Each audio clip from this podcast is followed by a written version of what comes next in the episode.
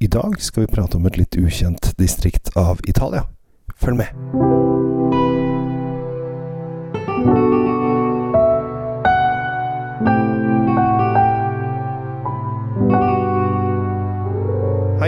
Hjertelig velkommen til eh, Kjells vinkjeller. Håper alt står bra til, eh, og at du drikker mye god vin, og du koser deg, og du syns at livet er herlig. Det er eh, trist og kaldt og vått ute, og høsten er helt klart kommet, og i dag, som jeg tar opp dette her, så regner det skikkelig. Jeg, egentlig jeg, jeg blir litt sånn Åh, drittvær.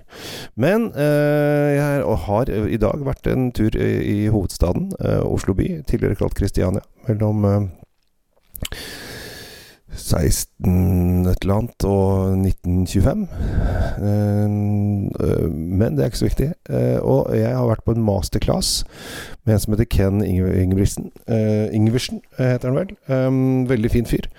Eh, han er eh, Han har belært meg om ting jeg ikke kan så mye om, og da tenkte jeg at det kan være lurt for meg å bringe dette videre til deg.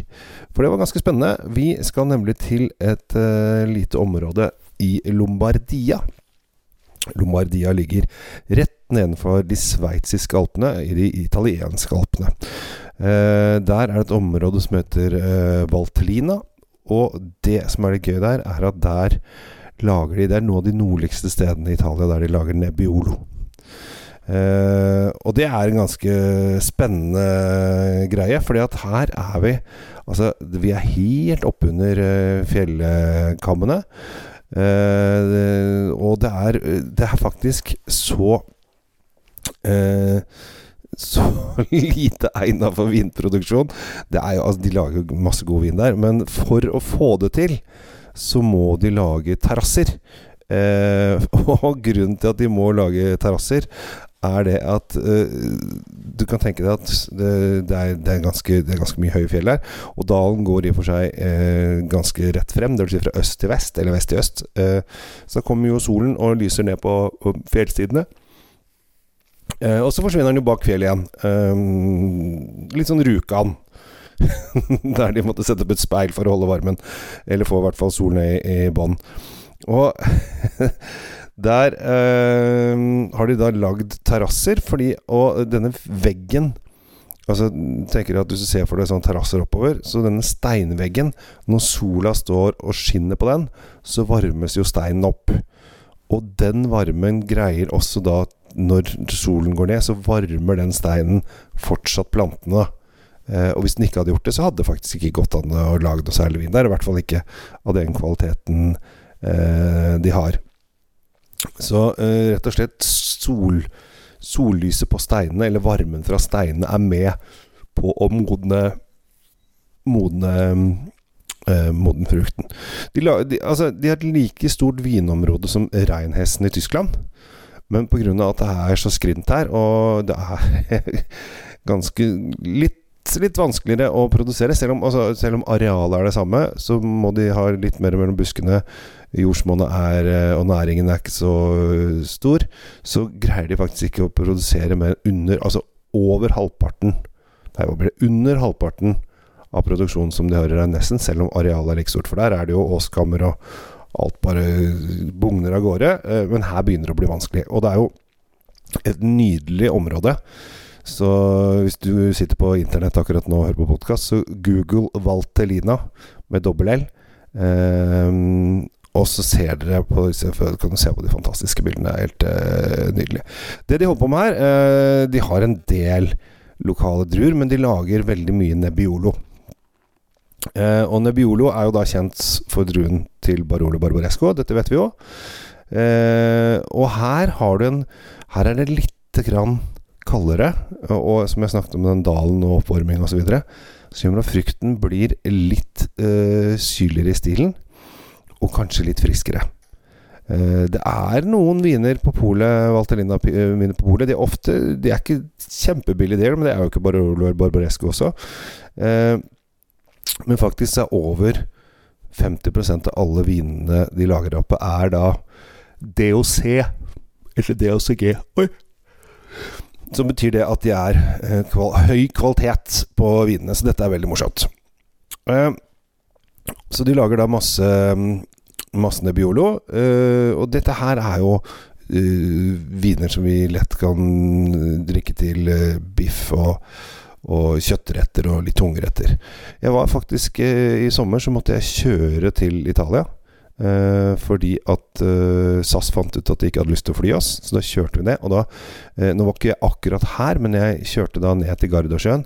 Og da kommer du over Brenneplass-passet. Når du kommer da ned over Brenneplasset og ned til Bolzano, disse øverste byene i Trento Alice, så er det helt fantastisk hvordan du ser vinåkrene på sånne parseller gå helt oppunder fjellene. så dette her er fryktelig krevende vinproduksjon. Uh, er, du kan ikke kjøre en traktor rundt der og høste druer. Her må du gå med sekken på ryggen og, og få det inn uh, på den måten. Så dette her er ganske krevende saker. Men det er en annen ting i dette området hvorfor jeg har lyst til å ta frem dette området. For det var en veldig spennende masterclass jeg var på. For de har to typer viner. De har da vanlig Nebbiolo-vin. Uh, og de har en del andre. De lager litt pinot noir, men det er mest til hvis de skal lage noe museer og sånn. Og så har de noe Merlot også, og så har de en del lokale druer. Men uh, de lager da noe som heter sforsato. Sforsato. Og det er uh, litt akkurat samme som de gjør med Amorone. Her høster de druene, og så tørker de dem i 110 dager. Så høster de da starten av oktober, så ligger de og tørker frem til jul.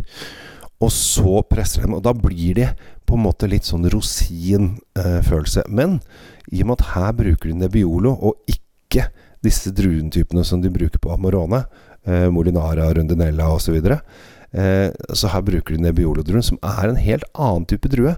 Så får du litt den der tørka fruktfeelingen, men du får ikke den der tunge søtladenheten som du får i en Amorone. Amorone kan jo ofte bli veldig mye sånn tørka dadler og litt sånn eh, kompott i smaken.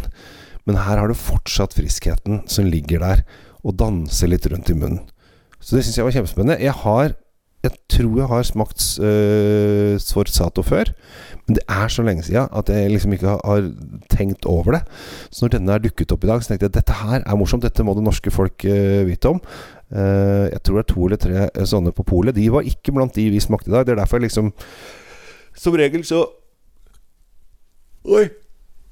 Kom det plutselig en Jeg har vært veldig mye trart så beklager det at jeg driver og gjesper når jeg prater. Jeg orker ikke å redigere bort i ettertid, så det får bare, det får bare stå, stå, sin prøve. Men eh, dette her, som regel, så er det sånn at når jeg snakker om vin, så smaker jeg på vin, så at denne må du gå og kjøpe. Men her har jeg rett og slett de vinene jeg smakte i dag, de får du ikke tak i Norge. Og de du får tak i Norge, har jeg ikke smakt. Eh, så her blir det liksom gå og prøve det ut istedenfor. Eh, for det tror jeg er eh, er oppskriften for dagens uh, lille, lille, sak. Uh, så uh, Nebbiolo fra Alpene, fra de italienske alpene, lagd i terrasser. Der varmest, eller varmen fra solen varmer opp steinene for i det hele tatt greie å lage produksjon. Og at de driver da med appassimento, dvs. Si at de tørker druer eh, før de presser dem. Og da blir det liksom rosinvin er kjempespennende. Så utforsk litt eh, Lombardia, og da eh, disse vinene fra denne dalen som ligger da eh, og strekker seg mellom to høye fjellinjer bortover, som heter da Valtellina. Det var egentlig det jeg hadde tenkt å si. Og så må jeg bare takke for at folk hører på disse podkastene mine og at jeg får lov å holde på med det jeg holder på med.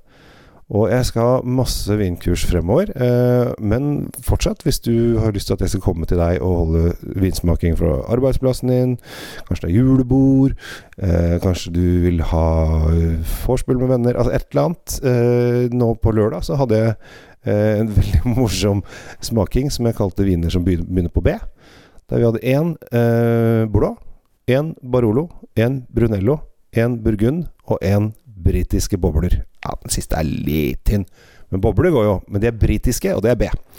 Og det var veldig morsomt og lærerikt, og folk syntes det var kjempegøy.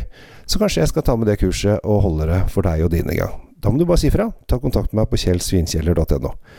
Inntil det ønsker jeg deg en riktig fin dag videre. Ta vare på livet. Smil til de du ser rundt deg. Det pleier å smile tilbake. Det er hyggelig. Takk for nå.